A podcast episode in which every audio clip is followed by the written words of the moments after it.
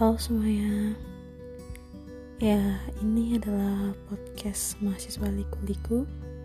Lika-liku ya mohon maaf. Yang akan membahas semua hal tentang lika-liku yang terjadi selama kehidupan kita menjadi mahasiswa. Ya pastinya nggak jauh-jauh amat lah dari lika-liku. Pastinya akan ada lika-liku tiap harinya.